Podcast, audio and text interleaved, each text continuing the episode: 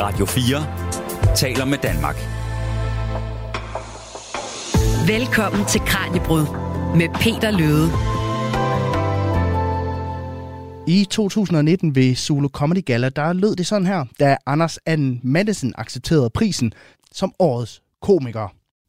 Og, og, og da Zulu i sin tid så kom og, og sagde, nu har vi altså besluttet at lave det her show, hvor vi en gang om året vil hylde årets komiker, sagde jeg til dem, skide god idé, rigtig, rigtig fint. Jeg kan ikke komme rendende hver eneste år. Øh, jeg, vi plejer at sylte i august, så, så øh, men kunne vi blande bolsjerne lidt, ligesom man også laver handicap-OL, så kunne der være nogle år, hvor jeg måske... Det er kun for, det er for sjov, hold op. Tusind tak for den. Det her år, der havde Anders Madsen udsolgt Royal Arena og Boksen i Herning med sit 25-års jubilæumsshow. Og det var altså stort nok til, at han for tredje gang kunne hive prisen hjem som årets komiker her tilbage i 2019. Og det er en ret vild udvikling, når man tænker på, at stand-up comedy her i Danmark på godt 30 år er gået fra nogle af landets mindste og mest snuskede scener til at være et af de bedst sælgende formater inden for dansk scenekunst. Men hvad ligger der egentlig bag den her voldsomme udvikling, og hvad er det ved stand-up-formen med bidende jokes og solo-performance, der tiltaler os som publikummer? Det er det, som vi skal blive klogere på i dagens Kranjebrud, hvor vi dissekerer stand-up-genren og ser nærmere på, hvad det er, der er sket, siden genren fik sit gennembrud med Kasper Christensen og pick og patter jokes i starten af 90'erne, til den dag i dag, hvor det er Danmarks foretrukne kilde til grin. Undervejs så skal vi blandt andet tage en snak med Torben Sangil og Anders Fjeldsted fra programmet Comedy-kontoret her på Radio 4. Og så skal vi også sammen med en humorforsker forsøge at blive klogere på den komik, som får os til krumtær, det man kalder for cringe-komikken. Og når ja, så skal vi selvfølgelig høre en masse stand-up. Velkommen til dagens Kranjebrud. Jeg hedder Peter Løde. Du lytter til Kranjebrud på Radio 4. Og her i studiet, der har jeg fået besøg af Michael Eidved. Velkommen til. Tak skal du have. Du er lektor ved Institut for Kunst og Kulturvidenskab på Københavns Universitet, og så er du forfatter til den bog, der hedder På, hvor du kortlægger og går bag om den danske scenekunst. Hvor passer stand-up ind i den danske scenekunst scene, hvis man kan sige det sådan? Ja, den passer jo i virkeligheden ikke ind, og det er nok det, der er pointen ved den, at den til en, i hvert fald en vis grænse har været en modtræk mod den type af scenekunst, hvor humoren foldede sig ud før i tiden, nemlig især revy, farse og komedier. Øh, men men øh, man kan jo selvfølgelig sagtens øh, argumentere for, at i dag, hvor der er et meget bredere teaterbegreb, der er stand-up øh, en del af den del af den populære scenekunst, som er underholder, og som er der, hvor det store publikum typisk øh, flokkes. Så det har ændret sig siden dengang, da, da stand-up'en kom ind, hvor den var lidt det sorte for. Ja, det har det helt sikkert. Altså, det gør det jo selvfølgelig, fordi udbredelsen bliver så stor, og når noget bliver så accepteret i befolkningen, så er det jo svært at negligere det af en eller anden øh, udefineret kulturelite, som måtte ønske sig at, at, at holde det uden for det gode selskab. Så det kan man ikke mere. Men hvorfor er stand-up interessant at, at beskue og undersøge som, som lektor? Det er det jo netop, fordi det appellerer til, til folk, ikke? fordi det kan noget, som andre former måske ikke kan, eller hvor det er meget rendyrket, det det, det gør. Hvor det tager fat i nogle bestemte overvejelser om menneskelivet faktisk. Altså for, skal mm. vi nu komme på den høje klinge, så kan man jo sige, at det tager jo de samme emner op, som den store litteratur gør, eller digteri, hvad hedder det, poesien eller andre. Altså det tager det op, der er nær på mennesket i forhold til at forstå sin egen eksistens, øh, men det gør det jo bare med et, en kæmpe troldsblind i øjet. Øh, og, og derfor så bliver der jo en anden, hvad skal man sige, måde at øh, forstå, forstå og forholde sig til sit eget liv øh, gennem stand-up. Altså lidt populært kan man sige, at stand-upperen filtrerer verden igennem sit temperament. Ja. Og så får vi jo et eller andet bud på, hvordan man kan se verden, og det kan vi jo så spejle os i og sige, hvad, hvad tænker jeg så, når han nu siger, at han ser verden sådan der, hvor er jeg så hen i det? Og det er jo det, vi på en måde reagerer på ved enten at grine eller lade være. Fordi hvis ikke det appellerer til os, så griner vi ikke, så synes vi ikke, det er sjovt. Nej, så vi skal kunne genkende os selv i det i en eller anden grad. Ja, typisk enten det, eller opdage, at vi griner os selv. Ikke? Altså, det, det kan være begge dele. Men stand-up shows, de, øh, de sælger jo helt vildt. Altså, øh, hvis man kigger på plakaten for Musikhuset her i Aarhus, eller øh, for Bremen Teater, eller nogle af de store scener, altså, så er det jo, der er jo et væld af, af udbud, men også efterspørgsel på, på de her shows. Hvorfor tror du, at det har den her succes, den her genre herhjemme?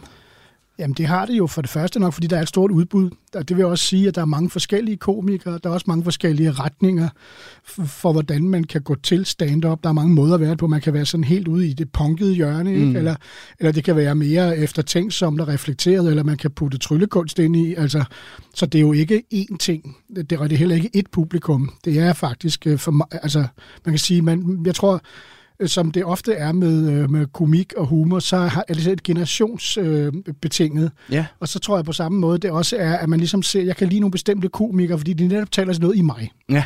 Og derfor så er der ikke nødvendigvis et meget stort publikum til hver enkelt komiker, men samlet set bliver det jo et stort publikum. Tror du så, der er en komiker for alle derude? Ja, det vil der jo være på et eller andet tidspunkt hen over tid. men altså, nej, det ved jeg ikke. Men jeg tror, at selvfølgelig skal der være noget, som har en eller anden form for generel appel. For ja. ellers kommer man ikke, og slår man jo ikke igennem, og man vil jo gerne optræde for mange mennesker. Men det er jo også et relativt begreb. Altså nu, nu siger du, det er den mest populære underholdningsform, men der er jo stadigvæk 300.000 mennesker, der ser revy i Danmark mm. hver sommer. Og det er jeg ikke sikker på, om stand altid kan matche det tal, men når ikke eh, Anders Madsen eller en af de andre har det de store shows. så. Og i løbet af programmet, der skal vi i hvert fald se nærmere på, hvorfor vi har brug for det her grin i, i hverdagen. Men inden da, så lad os prøve at skrue tiden lidt tilbage og se på, hvad det egentlig var, der skete dengang tilbage i, i starten af 90'erne, da stand-up comedy kom til Danmark. Radio 4 taler med Danmark. Og Michael, jeg kunne godt tænke mig at spille et, et gammelt klip for dig. Det kan vi mm. godt sige. Det kan man også godt høre på det. Det er fra 1997 fra et program, der hed Stand Up DK, som øh, findes på TV2 Play.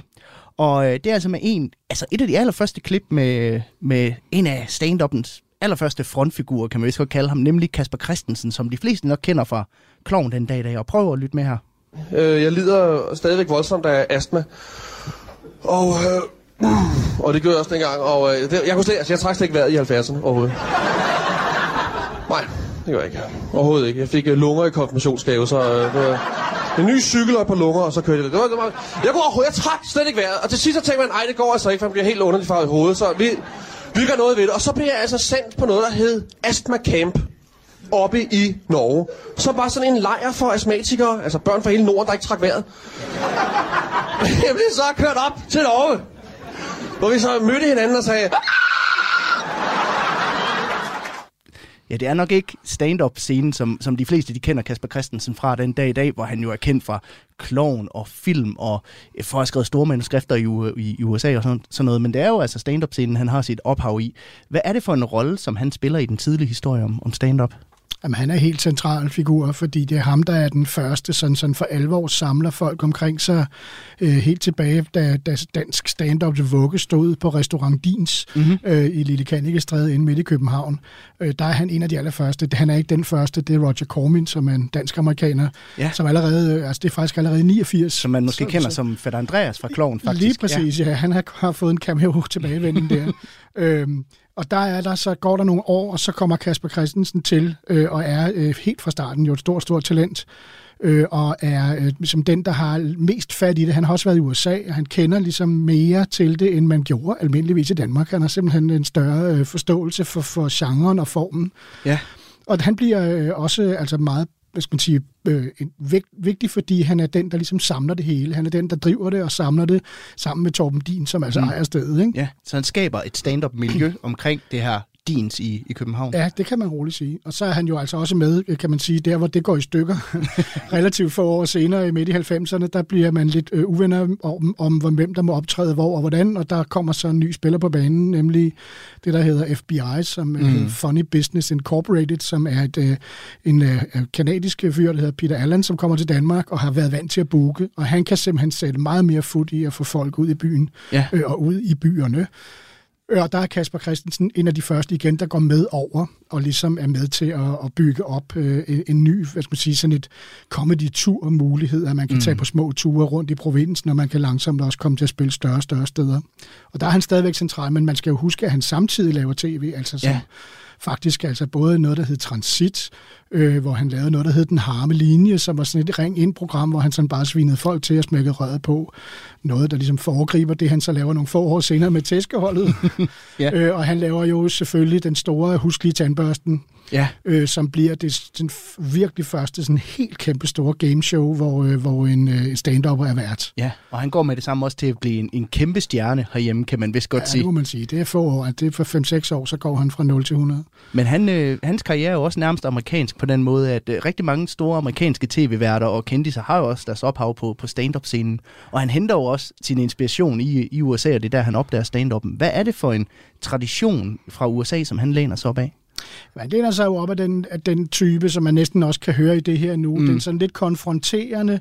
Altså, der er en lang tradition, en gammel tradition, som sådan går helt tilbage til dem, der hedder Lenny Bruce, for eksempel. Ja. Som er sådan en af de allerførste, som er sådan så kontroversiel, så han faktisk ryger i spjældet for det, han siger. Ikke? Okay, ja. Øh, og så kommer der jo sådan forskellige øh, typer af, af de her sådan lidt altså aggressive, kan man måske næsten kalde det. Ikke? Altså sådan en pågående stil, der mm. virkelig har fart på.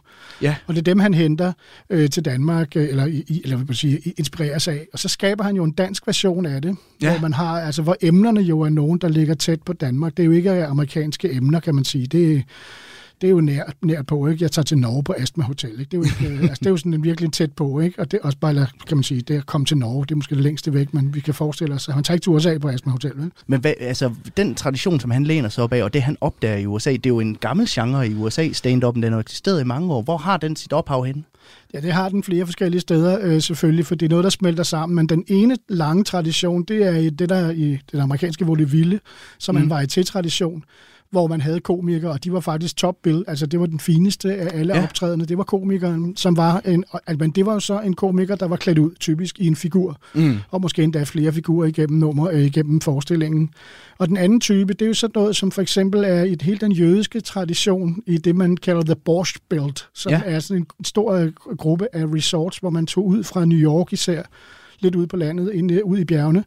Og der var underholdning på alle de her steder, og der var det typisk jødiske komikere. Okay. Øh, og der er jo en, en, altså en tradition igen der fra Mort Saul, hedder han, eller Woody Allen, Mm. og rigtig mange andre, øh, som øh, har den her særlige tilgang, som er den der, øh, hvad skal man sige, en, en, øh, den er bygget på jødiske vittigheder, og en jødisk, det der altså hedder en vits. Ja. Og det vil sige, det er meget pointebordet. Vi ender i sådan en joke, der kan sige smask. Det er sådan Øh, set en vits, kan man sige. det er præcis en vits. Det er derfra, det kommer.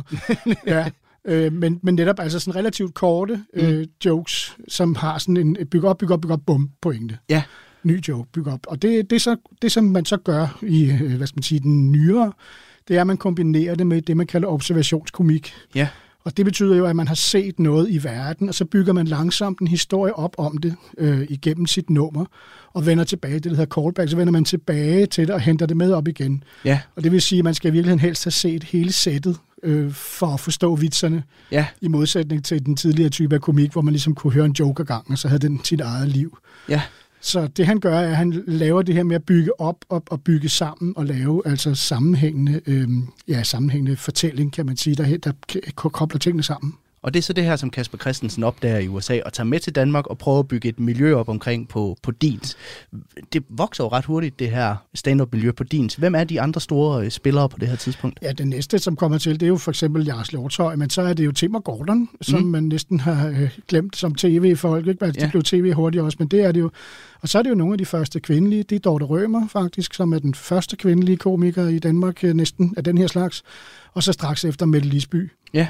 Øh, Så det er jo det, og så er der, altså, så kan man sige, så er der alle dem, vi kender som de gamle, øh, altså Jan Gentberg og så videre. Alle dem, der er den generation, som er nogenlunde på samme alder. Ja, men hvor, hvornår kommer så det mere folkelige genbrud? Altså, hvornår, øh, hvornår kommer det fra Dins og så ud i, i hele Danmark stand Ja, det gør det der omkring 94, hvor FBI begynder at komme, komme ind i det, og der begynder man jo at have, øh, hvad skal man sige, at, at der jo ikke er egentlige comedy-klubber, men øh, måske den lokale café laver så om tirsdagen, så mm. har de stand-up, og så vokser det jo langsomt.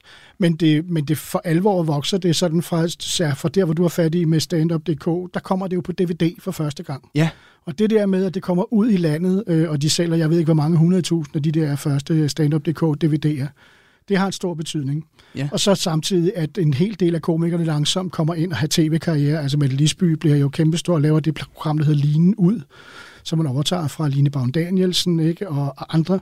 Og Jan Gindberg laver det første øh, hele aftens kan man sige, stand-up show, som han tager rundt med. ja, Øh, hvad sådan hedder det? Det ligger i generne, tror jeg, det hedder. Ja. Som handler om, at han bliver far, og det viser sig, at han har fået en datter med Down-syndrom. Men så det også pludselig øh, begynder at have en vis politisk øh, indhold. Altså, det er noget, han også øh, ligesom dyrker senere hen. Ja. Så der begynder at være sådan forskellige linjer allerede der i midten af 90'erne, måder man kan gøre det på, øh, som, som har øh, ja, lidt forskellige karakteristika. Øh, noget af det, som de har gjort op med, er jo egentlig Mm. revyen. Ja, Øh, og der begynder man så ligesom at komme til sin hov, men, men det er egentlig ret godt at lave jokes om samfundet. så Ja. vi kan ikke ligesom holde os, det har vel ellers ved starten, var det meget, hvad skal man sige, det nærmiljøet. ja privatlivet. Ja. Ja, præcis. Ikke? Øh, Alle de der kærestevitser, og bliver min røv stor i de her bukser, alt sådan noget som med den standard joke, man ligesom forbinder med de tidlige. ja. Det udvikler sig jo så ret hurtigt øh, op igennem 90'erne til, at det bliver meget, så kommer øh, Omar Masuk, Mm. kommer til og laver sådan det første øh, stand-up mod racisme show. Og så nogle ting, som gør, at vi altså ligesom øh, ret hurtigt op igennem. Og, og i og med, at, at det får bredere emner, så får man også et bredere publikum. Så er det ikke kun dem, der sidder sådan drengerøvsagtigt eller fniser af noget, de kunne sidde hjemme på værelset med. Og øh, lige om lidt, så øh, tænker jeg, at vi skal se på netop, hvor øh, stand-up passer ind i en mere kulturhistorisk kontekst. Og vi skal faktisk også høre lidt med, med Jan Genberg og tale lidt om betydningen af det her show, som han lavede. Men inden da, så øh, lad os tage et smut ud af studiet og over på Comedy-kontoret. Du lytter til Kranjebrud på Radio 4.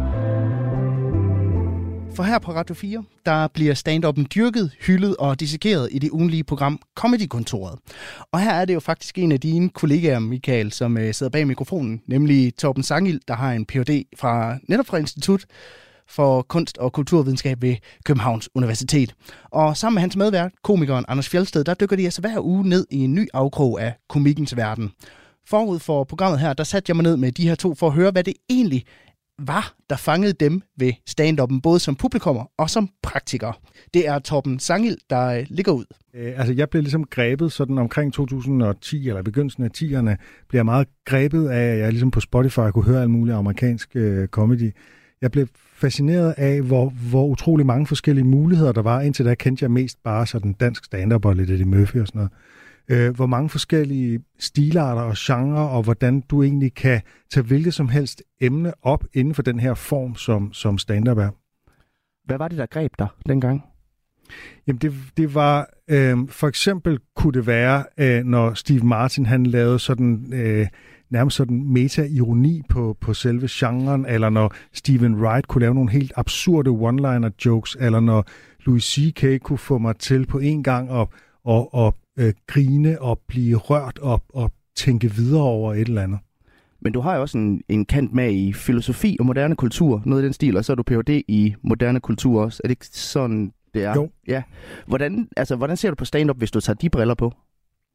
Jamen, jeg, jeg, øh, det som jeg jo gjorde så, da, jeg ligesom, øh, da fascinationen først satte ind, så begyndte jeg jo at analysere og tage noter og sådan noget, som, som en god øh, nørd og akademiker. Øh, Ja. Så det var ligesom, øh, hvad kan man sige, min, min baggrund som en, der analyserede kulturelle fænomener og kunstneriske fænomener, altså musik og billedkunst osv., øh, brugte jeg simpelthen på en eller anden måde på stand-up'en. Prøve at finde ud af, hvad er, hvad er jokestruktur for noget, hvilke typer performance findes der, alle de her forskellige virkemidler, der egentlig er, alle de øh, mange forskellige ting, der, der udgør et eller andet, en eller anden stand-up-bid. Og hvad med dig, Anders? Altså, hvor stødte du på øh, stand-up'en første gang? Jamen, det gjorde jeg i gymnasiet, der i øh, start midt 90'erne. Øhm, jeg har jo altid, øh, siden jeg var en lille dreng i skolen, været liderlig efter øh, folks opmærksomhed. Og i det hele taget. ja, øhm, men øh, det med opmærksomhed tror jeg faktisk kom først. øhm, og, øh, så det var noget med at lave du ved, sketches og være med i skolerevyer, ungdomsskolerevyer, teaterstykker. Og, og øh, der var altid en eller anden grad af øv over, man fik ikke den rolle, man ville have, eller man fik ikke de replikker, man havde lyst til. Og, og så var det, jeg opdagede stand-up, som jo var en, øh, en kunstform, hvor at man jo helt selv er ansvarlig. Og øh, responsen er øh, øjeblikkelig. Så øh, man kunne godt sidde og skrive noget sjovt i skoleblad, men der skulle du alligevel gå og vente på, at der var nogen, der kom hen og sagde, at oh, vi har læst i skolebladet, det var sjovt. Ja. Stand-up, der går du simpelthen bare op og siger ting, du selv har fundet på, måske endda i øjeblikket, og får responsen lige med det samme. Så det, det, det tiltalte mig simpelthen den frihed, der var over det, når man øh, som mig gerne vil, vil have en masse grin. Og som forbruger af stand-up, mm. så var det også en del af fascination. Det var det der med, at det ikke var nogen, der klædte sig ud. Det var ikke Kurt Ravn, der klædte sig ud som Paul Slytter. Det var nogen, der stillede sig op som sig selv og fortalte nogle jokes, de selv havde fundet på, der tog afsæt i ting, de havde tænkt eller oplevet måske. Ikke? Men hvad er det for en nerve, som det giver til, til genren, at det er ene mand på, på scenen med en mikrofon, der laver materiale, der måske, måske ikke virker? Ja, der, der er jo selvfølgelig en nerve i den forstand, at der er noget på spil, der er en risiko øh, for det går galt. Men derudover, så er det jo bare, at responsen er det er jo, øh, det er jo berusende følelse, når folk griner af en. Ikke? Og, og det er øjeblikkeligt, og det er direkte, og jeg skal ikke dele det med nogen som helst. Og komikeren kan reagere direkte på publikums reaktion. Altså det vil sige, øh, komikeren står deroppe og bliver i situationen påvirket af, hvad der sker i salen. Det kan man især øh, sådan lægge mærke til, hvis man har set meget stand-up, kan man mærke, hvor lang tid øh, venter de lige med at gå videre, eller hvor lang pause holder de inden punchline her og sådan noget, det, altså sådan timing og flow og sådan noget. Øh, I hvor høj grad det faktisk er påvirket af, hvor publikum er henne, hvor meget de reagerer, og hvor stort publikum er og sådan noget. I underviser også på det, der hedder øh, stand-up-skolen, hvor I, hvor I prøver at undervise folk, der ikke har prøvet at optræde før, med at, og simpelthen at komme i gang med, med at stå på scenen. Altså, hvad er det, I giver videre af værktøjer der, hvad især? Jamen, der har vi jo, altså man vi har lavet stand-up-skolen, øh, og håber på at måske få lov at gøre det igen. Øh, men det jo, tager udgangspunkt i et foredrag, vi egentlig også laver, hvor vi fortæller om komiske virkemidler, fordi der er jo nogle greb, man kan bruge, øh, som man kan øve sig på at, at dyrke. Og så er det bare meget grundigere her, hvor det bliver workshop hvor de alle sammen, vi har et dogme om, at alle skal op på scenen øh, i hver undervisningsgang, og så får de så feedback på det, de ligesom har, har lavet, og så får de lektier for derhjemme. Ikke? Så det er simpelthen sådan, øh, gør en observation, øh, mens du øh, sidder i bussen, eller når du er ude øh, og gå, eller et eller andet, og lav noget på det, og så, så tager vi det ligesom op øh, der. Ikke? Ja, for stand-up er vel i høj grad altså learning by doing. Ja, det kan man godt Ja, det er det. Man kan, ikke, man kan ikke tænke det frem. Man er nødt til at stå virkelig mange gange på en scene, før man er en rigtig god komiker. Mm. Og man kan sige, mange af de ting, vi snakker om også, når vi laver de her foredrag rundt omkring, så altså, dem kan du også bruge, øh, selvom du ikke er stand-up-komiker. Altså evnen til at øh, analysere eller forstå en joke, eller gennemskue, hvad virkemidlerne er. Ja. Fordi så kan du nogle gange måske til en vis grad lære også at bruge dem i, øh, du ved, small talk og hverdagskonversationer og præsentationer. Men hvordan har stand-up-branchen og stand-up-genren, det har, har hjemme i dag generelt set. Der er jo sket meget, siden den startede i, i, i starten af 90'erne. Det må det man sige. blevet noget mere mainstreaming. Da, da jeg startede var ung, der var det sådan meget first move-agtigt og hipt. Mm. Og foregik på hippe caféer og café sommersko og, og lignende. Og nu er det jo blevet meget mainstream, og jeg tror, unge gymnasieelever i dag, de, siger ikke, de snakker ikke om stand-up som noget rigtig sejt og tjekket. Det, det er noget, alle ser, og så sælger det jo bare crazy mange billetter. Og så er der jo, ud over de her, der sælger virkelig mange billetter, så er der jo også kommet alle mulige sådan understilarter og alle mulige forskellige udtryk, så, så diversiteten er langt, langt større, end den var i 90'erne for eksempel. Ikke? Også fordi der simpelthen bare er mange flere komikere, også sådan i mellemlaget og i sådan amatørlaget, eller hvad vi skal kalde det. Ikke? Hvilke bevægelser er der i gang i, i stand-up comedy og, og i, i genren herhjemme? Altså, hvor bevæger den sig henad? Og oh, jeg ved ikke, bevæger den. Jamen, øh, jeg tror i virkeligheden, at det der sker, at den bevæger sig i alle mulige retninger. Øhm, altså en ting er, at der er jo flere komikere, der laver de her meget store shows, som de turnerer med i utrolig lang tid, som mange af dem bærer præg af at være sådan mere anekdote, anekdotiske, historiefortællende, øhm, hvilket også er en, en stilart, der fungerer bedre, når du skal lave over en time. Men, øh, men på de små scener kan du også se folk, der laver skøre one-liners, og folk fra alle mulige øh, minoriteter og lignende, der øh, snakker ud fra deres eget udgangspunkt. Så jeg vil sige, det, det bevæger sig i alle mulige retninger. Man kan sige, at der er sådan historisk set en, en situation, som er, at der er nogle af de ting, som man øh, gjorde for, for 20-30 år siden, som man ikke vil gøre på samme måde i dag, som man ikke kan slippe afsted med på samme måde i dag, fordi at tiden er mere til ligesom øh, det, det som, som mange vil kalde woke, men som også bare kan være, at man der er nogle ting, man ikke synes er i orden at sige, eller nogle minoriteter, det ikke er i orden at udstille på en bestemt håndelig måde og sådan noget.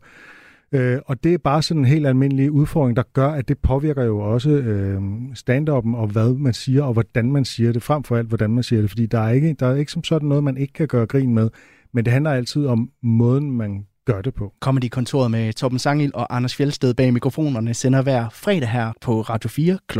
13. Du lytter til Kranjebrud på Radio 4. I dagens Kranjebrud, der jagter vi det gode grin. Vi er nemlig i gang med at undersøge, hvordan stand-up comedy er gået fra at blive set på som pick patter jokes på barne i København til at udsælge nogle af landets allerstørste sale. Min gæst i dag er Michael Eichved, der er lektor ved Institut for Kunst og Kulturvidenskab på Københavns Universitet. Og øh, nu talte vi om før, at en af de første herhjemme til at sætte et sådan stort anlagt one-man-show op, det var jo Jan Gindberg. Og øh, der eksisterer så vidt jeg kan finde ikke nogen optagelser fra det show, så i stedet for så tænker jeg altså, at vi får et klip mere fra Standup.dk fra 1997, som kan ses på TV2 Play, den her gang netop med Jan Gentberg.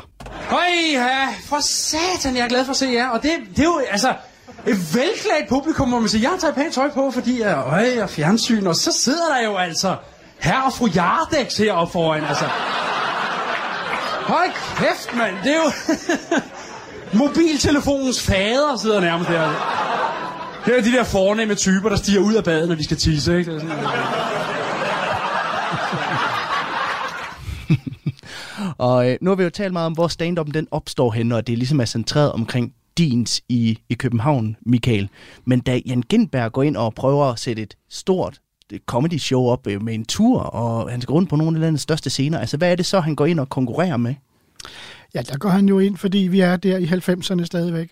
der går han ind og konkurrerer med det, man kunne kalde den nye humorscene, mm. som opstår øh, faktisk øh, på mange måder omkring 1980 allerede, hvor de øh, tre store gamle komikere, Jørgen Ry og Dirk Passer og Preben Kås, de dør med otte måneders mellemrum, og det giver simpelthen plads til en ny generation, som altså for eksempel er Eddie Skoller og Tommy Kenter, linje 3 øh, og så videre, som er dem, der fylder meget op igennem 80'erne. Og det er i virkeligheden dem, der stadigvæk kan fylde salene, når vi kommer herop i midten af 90'erne.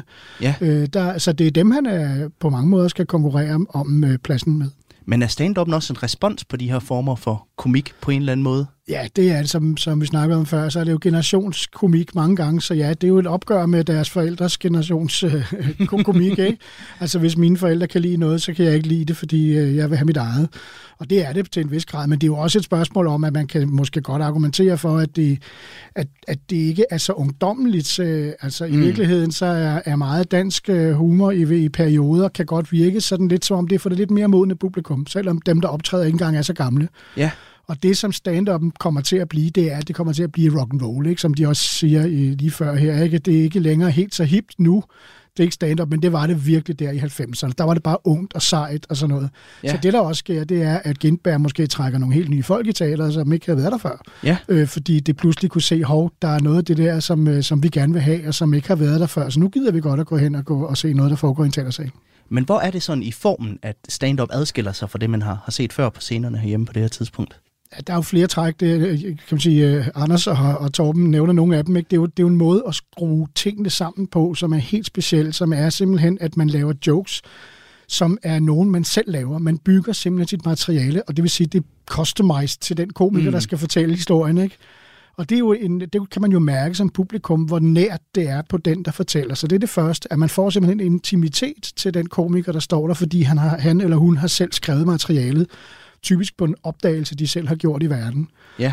Og så er der den anden del af det, som er, at det arbejder jo rigtig langt hen over forskellige typer af grænser, som øh, ellers ikke er nogen, man sådan gerne i underholdning, så prøver man jo, altså hvis man gerne vil lave bred underholdning, så opstår bredden ved, at man undgår at træde alt for mange over tæerne. Mm. Og der kan man sige, der er attituden jo strengt taget næsten det stik modsatte i stand-up. Ikke? Vi prøver at jogge over alle de tæer, vi kan komme i tanke om, ikke? for at se, hvor går grænsen hen. Og det er det, der måske er det tredje, som stand-up'en tilbyder. Ja de tilbyder sig på en måde som, som slags agenter, der går ind over grænserne, og så ser vi, hvad der sker. Så nu de tager den forholdet, mm. og så kan vi så sidde nede i salen og sige, ej, det synes jeg var for meget, men det er også lidt sjovt. Men ej, det er i hvert fald ikke, det er ikke, jeg gør ikke noget. Altså, man kan ligesom mærke sine egne grænser, øh, meget tydeligt, når man, når man øh, er inde og ser et stand-up show.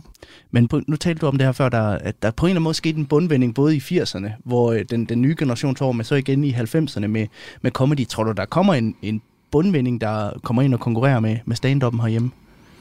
Altså, jeg tror ikke nødvendigvis, at den forsvinder. Det, det jo har, altså, revyen er jo heller ikke blevet væk. Det er jo ikke sådan, at der slet ikke er noget revy.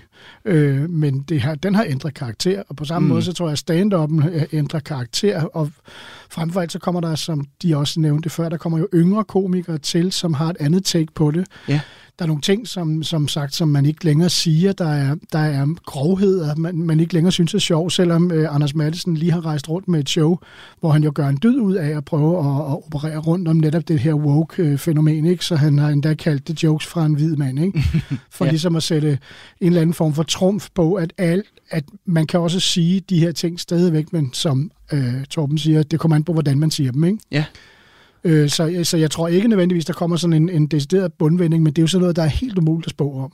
Ja, Så, selvfølgelig. så, så det får det mig heller ikke sådan til, til at sætte, lægge hovedet på blokken og sige, nej, nej, der kommer ikke nogen. Det Nej, kan være, men jeg ved ikke, jeg, jeg ved ikke lige, hvor det kommer fra. Man kan sige, at der er jo kommet en, en bundvending i den forstand, at nettet Mm. har jo øh, øh, haft en helt anden fl- indflydelse siden 90'erne.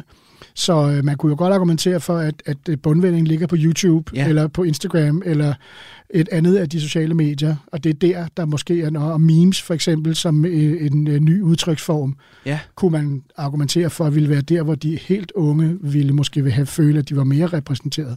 Og jeg har jo et klart billede af, nu vi taler form, det her med stand-uppens form. Altså en person på en scene, en mikrofon. Ikke så meget andet. Altså det er meget nøgent og meget afklædt, øh, og med fokus 100% på entertaineren. Ikke?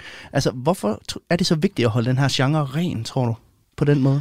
Ja, fordi det er det, der definerer den, tror jeg. Mm. Altså, og det er jo ikke, fordi der ikke har været eksperimenteret med at trække ud af det, men så ligesom om man vender tilbage, ligesom faktisk nogle af de store øh, øh, komikere indimellem vender tilbage til bare at stå på en lille klub med en mikrofon og prøve materiale i matchen, gør det også. Ikke? Så en gang imellem, så laver man sådan et helt klassisk setup, hvor man bare står Ja. med 100 mand øh, MK i salen og mærker, okay, hvordan virker det her? Altså, jeg tror, det er definerende for, hvad en stand-up komiker er, og hvad stand-up comedy er. Det er den her intimitet, som ligger i øh, ja, øh, en ma- mand MK, mm. en person, øh, en mikrofon, eget materiale, spil med publikum. Ja. Og det er det, der kan, det er det, der kan noget. Er det også fordi, det er en mod, til dels en modpol mod revy, og sådan, hvor, hvor skøre hatte og sange og sådan noget spiller en rolle, tror du? Ja, det er en modpol mod den, øh, hvad skal man sige, teatrale underholdning. Den underholdning, der også er betinget af, at der skal være teatermaskine, der kører ved siden af, ja, kostymer, øh, lys og lyd, øh, sceneri og så videre. Ja, det er en modpol til mm. det. Ja. Øh, men der er jo nogle af tingene, der er, altså med al respekt for, at stand-up-komikerne synes, de har opfundet vittigheden, så kan man altså også finde dem hos Holberg.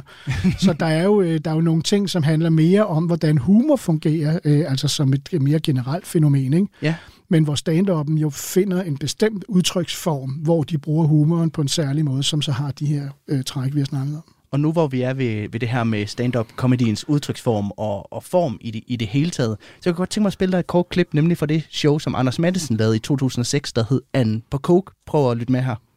Goddag, lille fisk. Goddag, lille fisk. Er du en fin lille fisk? Ja, det er jeg nemlig. Ja, du er så så. Jeg er en meget dyr og fin lille fisk, faktisk. En spættet truppe side, hvis du skulle spørge på nogen. Ja, du er. Du er så sød, Arthur. Jeg elsker dig så højt. Ja, det er måske ikke super tydeligt i klippet, men det her show, det er jo sådan framet, som om han går rundt i sin lejlighed og interagerer med alle mulige forskellige ting, blandt andet et kamera, der er i, øh, i et akvarie, hvor han så spiller, at, at der er en fisk. Altså lænder det så næsten ikke mere over i teater end i stand-up. Jeg tror måske snart, det læner sig over i nogle af de tv-typer, sitcom-typer af måder at lave øh, komik på egentlig. Men, mm. men det er da klart, at det har der elementer af revy, altså øh, at spille flere, flere roller og lave øh, sjove stemmer og gøre sådan noget. Det, det, altså, det kan man jo sagtens se finde der også. Ja. Så, men jeg tror, jeg tror, det der er pointen her er jo lige præcis, at det stadigvæk er Anders Mattesen, der har skrevet alt materialet. Han står midt, det kan godt være, at han står i noget, der i øvrigt skal ligne hans egen lejlighed. Mm. Så det er jo ikke sådan, at vi er kommet ud i, at nu skal vi forestille at være en familie, der bor i Gellerup-parken, og nu skal de øh, have besøg af grønthandleren. Det, som jo vil være et setup i en revy-sketch. Mm. Ja. Så vi er stadigvæk i det samme, men det er et extended version af stand-up-universet. Ikke? Han, har, han har nogle af de ting, man ellers måske bare vil fremkalde ved at fortælle om dem. Mm. Dem har han så på scenen. Men tror du også, at jo mere den her genre, den bundfælder sig herhjemme og, og får sin plads, at man også vi ser, at man prøver at lege lidt mere med formen i det? Jeg synes i virkeligheden, man har leget ganske meget med den undervejs, øh, men ja, det tror jeg da. Nu skal vi tænke på, det er så sådan øh, 35 år siden, øh, Mm. mm. at den blev introduceret, så, så jeg vil sige, at jeg umiddelbart vil jeg mene, at den her bundfælde sig har fået sin egen plads. Der, der, hvor der kan ske noget interessant, tror jeg, det er i de alle krydsningerne imellem, at vi nu har vi faktisk rigtig mange professionelle komikere, øh, som ikke altid øh, øh, har været, hvad skal man sige, den, det traditionelle scenekunst har ikke altid været så glade for at blande dem ind. Nej. På samme måde som de heller ikke altid har været særlig glade for for eksempel at blande cirkusartister ind, eller andre former for tilgrænsende øh, professionalisme. professionalisme.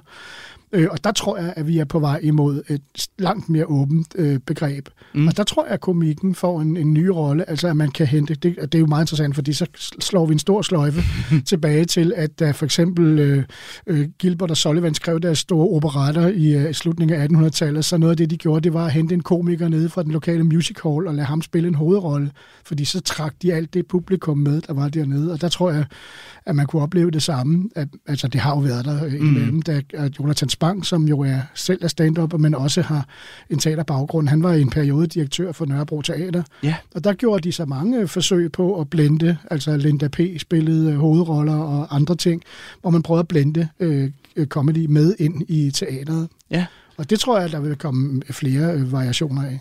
Men hvad gør det for komikken, at formen og udtryksformen er så ren og uden store hatte og rekvisitter og sådan noget? Jamen, jeg synes jo personligt, at det gør det, at der ikke... Altså, komikeren kan jo ikke gemme sig bag noget. Mm. Det er jo Mm. det første. Så det er jo en meget, hvad skal man sige, øh, en, en, en meget ærlig form. Ja. Øhm, der er ikke noget... øh, Man kan sige, man kan ikke gemme sig bag ved en figur. Man kan ikke øh, altså, få hjælp af, at maskinen ligesom kører, og så kan man køre med på. Øh, man, man leverer simpelthen selv det hele, og det vil sige, at øh, vi sidder også lidt nede i salen med samme fornemmelse, som man sidder med et, øh, jeg et cirkusartistnummer. Altså, mm. man kan heller ikke gemme sig bag noget, når man hænger i en, i en trapez. Øh, så enten så bliver man hængt op, eller så falder man ned. Ja. Og det er dybest set det samme, vi oplever med, med, med stand-up, og jeg tror, at noget af appellen i stand-up til publikum, det er i virkeligheden den her fornemmelse af, om går den, eller, eller bummer han, ikke? Altså, de har jo endda begrebet, man dør på scenen. Ja. Og det er jo noget af det, som appellerer os til os, at vi har, når vi vil gerne se nogen, der tør våge noget. Ja, så der er noget vågehals og Så noget der, det. ja, og det tror jeg, der er, altså, det tror jeg er en meget central dimension i, i, i stand-up, at, at både fra publikums side, men også fra komikernes side. Altså, det må være nogen, de folk, der bliver komikere, de må have en eller anden trang til at kaste sig selv ud i det, eller stille sig selv, øh, sætte sig selv på spil, ikke? Ja. Og så i stedet for måske reelt at risikere at dø af det, så kan man nøjes med at, at dø sådan lidt på, på sin æren, når, når folk ikke griner, ikke? Og jeg tænker, vi skal runde det her med, hvorfor vi overhovedet har behov for at grine af- stand-up lidt mere. Men inden da, så øh, lad os runde næsten den modsatte reaktion end grinet, nemlig følelsen af, når humor bliver tårkrummende pinligt. Radio 4 taler med Danmark. For tilbage i foråret, der havde jeg besøg i Kranjebrudstudiet af Mark Hyge Knudsen, som er humorforsker. Og her forsøgte vi altså at blive klogere på den komiske genre, der hedder cringe comedy, eller tokrummende komik. Altså den form for humor, du måske kender fra klovn, hvor det næsten går helt ondt i mellemgulvet, fordi det, der sker foran dig, det er så pinligt. Og her dykker vi altså ned i, hvordan forskellige tv-serier udnytter det her element med pinlighed til stor gevinst, og hvad det er, der er så tillokkende ved den her tokrummende humor. Og øh, to eksempler, det var blandt andet øh, den britiske Fawlty Towers, eller Halløj på Badehotellet, og så den britiske version af tv-serien The Office. Men sådan, den så moderne, mere moderne humorforskning, empirisk humorforskning, den bedste af den, mener jeg, peger på, at humor nærmere handler om øh, øh, godartede grænseoverskridelser, bliver det kaldt benign violations på engelsk. Så for at noget skal det være sjovt, skal være sjovt, skal det på den ene side, øh, øh, skal det bryde ikke vores forventninger, men vores øh, grænser. Det skal på en eller anden måde være en norm eller en grænseoverskridelse. Det skal have noget dårligt, eller farligt, eller forkert i sig. Øh, det er grund til, at rent positive overraskelser, som at vinde i lotto, ikke er sjov. Ikke? Men, men, men samtidig så skal vi vurdere den norm eller grænseoverskridelse, som ultimativt set værende godarter, det vil sige harmløse, og noget, vi ikke behøver at bekymre os omkring. Grunden til, at rent negative overraskelser heller ikke er sjove. Så det skal ramme det her sweet spot imellem. På den ene side at være en norm eller en grænseoverskridelse, men lige nøjagtigt godartet nok, til at vi kan grine af det. Er det det, cringe gør så? Det er jo blandt andet det, cringe gør, ja. Altså det er, øh, cringe går så... Altså i virkeligheden, øh, øh, pinlighedshumor afhænger jo egentlig bare af, af, af pinlige sociale norm overskridelser, som skaber pinlighed. Ikke? Men, og, men traditionelt set så har pinlighedshumor mere handlet om, øh, at mere være meget godartet. Cringe comedy er sådan en specifik genre, der opstår omkring årtusindskiftet, som ikke kun handler om at være sjov og skabe morskab, men også øh, at skabe en, en, en følelse af empatisk forlegenhed i serien, altså at gøre seeren pinligt tilpas. Ja, for lad os prøve at kaste os over og blive klogere på cringe som sådan en, en komisk øh, genre. Altså, hvad er det, der adskiller cringe-komedier fra en, mm-hmm. en, en anden type af, af, af pinlighedskomik? Øh, jamen altså, hvis vi tager... Hvis, det er som sagt det her med, at den forsøger at, at, at fremprovokere en negativ følelse af empatisk forlegenhed. Og det gør den ved at fjerne noget af den psykologiske distance, der er i traditionel pinhedshumor.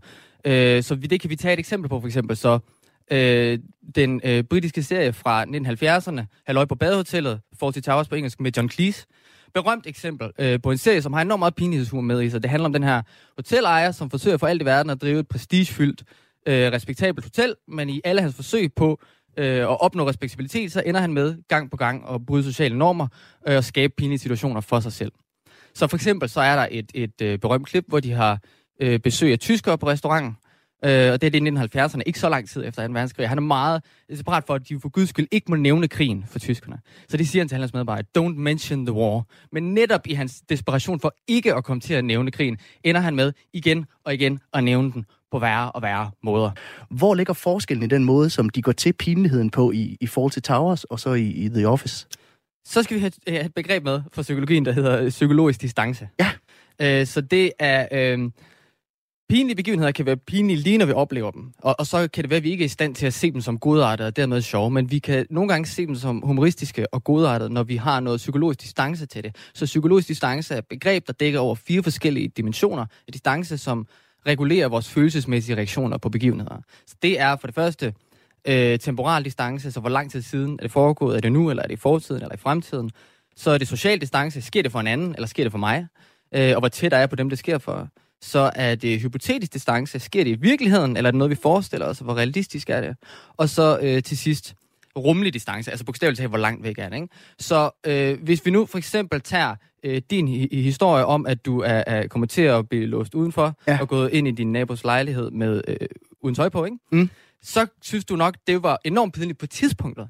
Ja. Men med noget øh, øh, temporal distance, altså nu hvor der er gået noget tid, så kan du kigge tilbage på det og se det sjove i det. Ikke? Ja, okay. Jeg har social distance til det, så det er ikke sket for mig, så jeg kan nyde det, fordi jeg synes, det er sjovt, det er sket for dig. Ikke? Hvorimod jeg måske ville synes, det var værre, hvis det var sket for mig. På samme måde, hypotetisk distance, hvis vi så det på en film, i stedet for, at det var en virkelig begivenhed, er det mere godartet. Øh, øh, og så videre, øh, og rummelig distance også for mange ting. Hvis man ser nogen falder og slå sig, så kan man, hvis man står langt væk, måske grine af det, men hvis man Mm. står tæt på, så føler man sig forpligtet til at hjælpe. Man kan måske se, se smerten i øjnene på personen, eller man kan se, hvor pinligt de har det over det. Ikke? De her dimensioner af psykologisk distance kan altså gøre pinlige begivenheder øh, øh godartet af dem humoristiske. Og dem, de dimensioner leger øh, øh, øh filmskaber og tv-serieskaber med. Så hvis vi tager Halløj på Badehotel, ja der er enormt meget psykologisk distance, og det kan vi identificere i sådan konkrete filmtekniske virkemidler, de bruger. Så for eksempel hypotetisk distance, ikke? Det er en enorm urealistisk serie. Det er en klassisk sitcom i den forstand, at, at sceneopsætningen ligner en scene. Det ligner en teaterscene, vi står og kigger på for publikumsplads. Det ligner ikke et rigtigt hotel. Øh, plotsene i serien er, har øh, sådan urealistiske forviklinger. De er øh, struktureret i stedet for organiske plots, siger man i filmvidenskaben. Altså, de er ikke taget af dagligdagen. De er meget tydeligt skrevne. Social distance. Hovedpersonen Basil Fawlty er sådan en enormt snobbet karakter, og dermed usympatisk, så vi føler os fjerne fra ham. Øh, han er også, øh, hvad hedder det, en flad karakter frem for en rund karakter, så han er sådan en karikeret, endimensionel figur, der kun vil have én ting, respektabilitet, og er ligesom ikke et rigtigt menneske, vi kan spejle os i på den måde. Og så rummelig distance. Det hele er filmet, som om vi sidder i publikum og kigger på en scene, øh, øh, så vi ser det langt væk fra. Vi kommer aldrig, så vi får meget sjældent close-ups af for eksempel Basil Fawltys ansigt, når han har det pinligt. Det er meget svært, når man ser et close-up til nogens ansigt virkelig tæt på, ikke at spejle deres følelser i en vis grad. Men det har vi ikke med her, og desuden så er der også et laugh track, som hele tiden hiver os ud af illusionen om, at det skulle være virkelig det, vi ser på, ikke?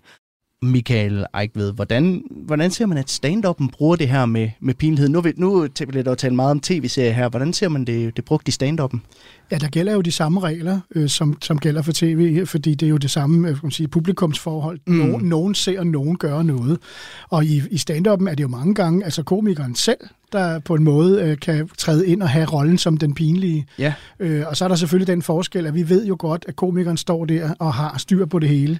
Så det er noget med også igen at tilbyde sig som den, der godt kan tage en forholdet, og jeg godt, jeg godt fortæller min egen pinlighed. Mm. Jeg kan godt fortælle om det, der er svært i mit liv, og endda få et grin af jer, og så kan det jo måske være med til at løfte, at, øh, at så er det heller ikke værre. Altså, for der sker jo ikke noget ved at være pinlig. Nej. Det er jo bare pinligt. Ja. Øh, og selvfølgelig er der et eller andet ærestab og sådan noget.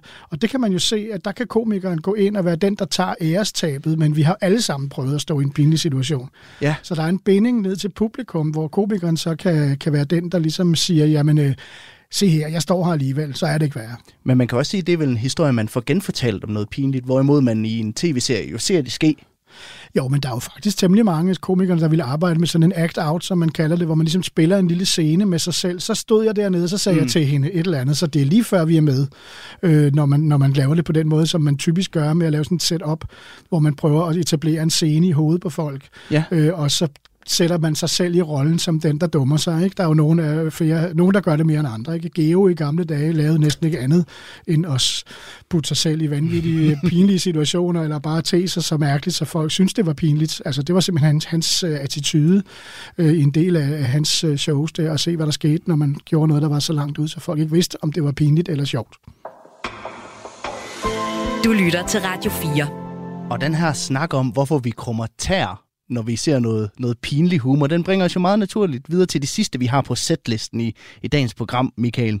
Nemlig en snak om, hvorfor vi overhovedet køber billetter til komik, og hvad det er, de her acts, de, øh, de taler til inde i os. Ikke? Altså, hvorfor har vi behov for at grine, tror du? Jamen, jeg tror, der er mange behov i spil faktisk, altså, så man kan sikkert uh, have forskellige grunde, og man griner jo også på forskellige steder faktisk. Uh, men, men altså, det, hvad skal man sige, sådan en helt overordnet uh, ting er, at latteren er jo en ventil. Mm. Latteren er en måde at komme af med en eller anden form for opsparet spænding eller overtryk, uh, og, og man kan måske med, sige, det kan enten forløses i latter eller i gråd, ikke? Men, men her er vi så der, hvor det bliver forløst i latter, og det har jo netop at gøre med, som vi også lige hører, uh, forskellige måder at strukturere for eksempel en fortælling på. Ja. Så vi har brug for det, fordi vi lever i en verden, der er ekstremt øh, frustrerende i virkeligheden, og med utrolig meget, der irriterer os, og som skaber spændinger i vores hverdag og vores dagligdag, i vores parforhold, i alt muligt. Vi lever i en tid, som simpelthen øh, er fyldt af steder, hvor vi har brug for, at der på en eller anden led kan komme en forløsning. Ja. Og det tilbyder øh, øh, komikken jo. Altså, der tilbyder den. Den handler jo den op også øh, mange. Stand-up er jo, som, som vi snakkede om tidligere, observationskomik. Man har set en ting i verden, som så frustrerer komikeren, eller undrer komikeren, mm. eller får øje på noget, der undrer eller frustrerer andre. Ja. Og, så, øh, og så giver man simpelthen øh, den frustration et sted at være. Ja, så det der med at blive øh, irriteret over et eller andet, der foregår i køen i, i supermarkedet, og lave jokes på det, Lige den præcis. der genkendelse gør, ja. at vores frustration over at stå i kø i, i supermarkedet, den også bliver lettet på en eller anden måde. Ja, det gør den. Altså, der er, der er mange forskellige variationer mm. øh, over, hvad for nogle måder man, og hvilke dimensioner i behovssystemet man kan vælge. Altså, helt tilbage i de gode gamle dage, der var noget, der hed Totalpatroner eller Monrad og Rislund. Ja. De var faktisk nogle af de første, som begyndte at bearbejde nogle af de tabuer. De havde sådan nogle meget grænseoverskridende, øh, først radio og sidenhen live shows. Men de havde for eksempel sådan noget, der hed Trafikradio, mm. hvor de gjorde grin med, øh, der var sådan et, et program i radioen hver fredag eftermiddag, hvor man fulgte trafikken ud i, ja, rundt omkring i Danmark. Ja. Og der havde de sådan en, hvor de lavede en parodi på den vært, der var der, hvor de sagde, ja, der er øh, meldt om et øh, uheld mellem vemmelse og ubehage, og der er meldt som fastklemte, og der er stadig få ledige ståpladser. ja. Den måde, på en eller anden måde, sige, det er jo noget, der er, der er en spænding, og, og trafik er farligt, og det skaber en utryghed og en uro og alt muligt. Hvad kan vi gøre ved den? Ja, vi kan punktere den ved hjælp af at vende det til, altså også vores egen i øvrigt, øh, måske sådan lidt øh, usympatiske kikkekø, trak, mm. trang, den får, får også et skud, ikke? Men, øh, men altså, det er sådan en, en, en måde at bearbejde øh, ting, som enten er spændingsfyldte, eller tabuiserede, eller frustrerende, eller på anden måde opbygger en spænding, som ja. på en eller anden led i os, som vi har brug for at få en ventil for. Men det lyder jo som om, at det her med at skulle bruge en ventil er noget meget menneskeligt. Altså, er komikken lige så gammel som, som mennesket selv? Ja, det vil jeg mene. Altså, jeg vil sige, at humor er en menneskelig egenskab. Det er en af de ting, der adskiller os fra andre væsener, at vi faktisk er i stand til at forstå noget humoristisk, at vi kan se en dobbelthed i noget. Det er jo klassisk måde at forstå det. Det, som Tømmerflåden handler mm. om, hvordan øh, den klassiske sketch med, med Kjell og Dirk Brothers, ikke? Altså, hvad er en vidighed? Det er et bjerglandskab, der ikke er der. Mm. Det er, når man bygger øh, noget op, en forventning, og så forløser man den ved en overraskelse. Ja. Og det tror jeg simpelthen, altså øh, Freud har det jo som, at det er det, der sker, når vi starter som helt bitte, bitte små, vi leger bort i tit med vores børn, og vi gemmer os bag hænderne, og så tager vi dem væk, og så siger vi tit tit, og så griner barnet. Ja. Altså, en overraskelse er simpelthen et grundlæggende mønster i vores måde at kommunikere på. Så, Så vi, det tror jeg. så vi har brug for stand-up'en, eller en eller anden komikform, Ja, jeg ved ikke, om vi nødvendigvis har brug for lige præcis stand-up, men vi har brug for humoren, og vi har brug for, at vi har humoren. Humor er en menneskelig kvalitet, og at, at jeg tror helt bestemt, at det er noget, som ligesom følger menneskeslægten.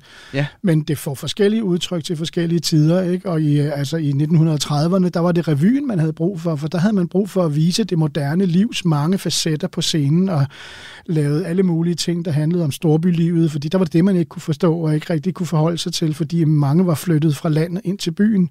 Så var revyen et af de steder, hvor man kunne øh, lave sjov med det at bo i byen.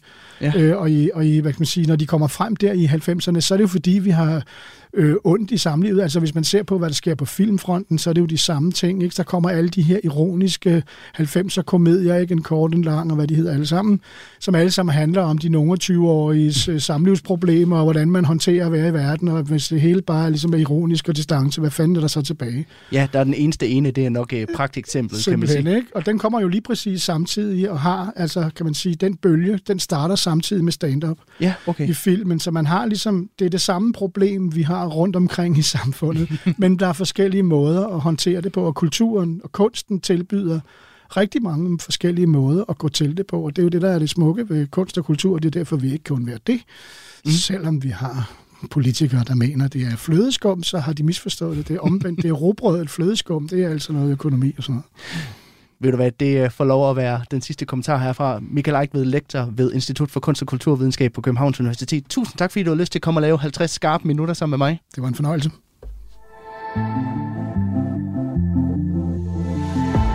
Du lytter til Kranjebrud på Radio 4.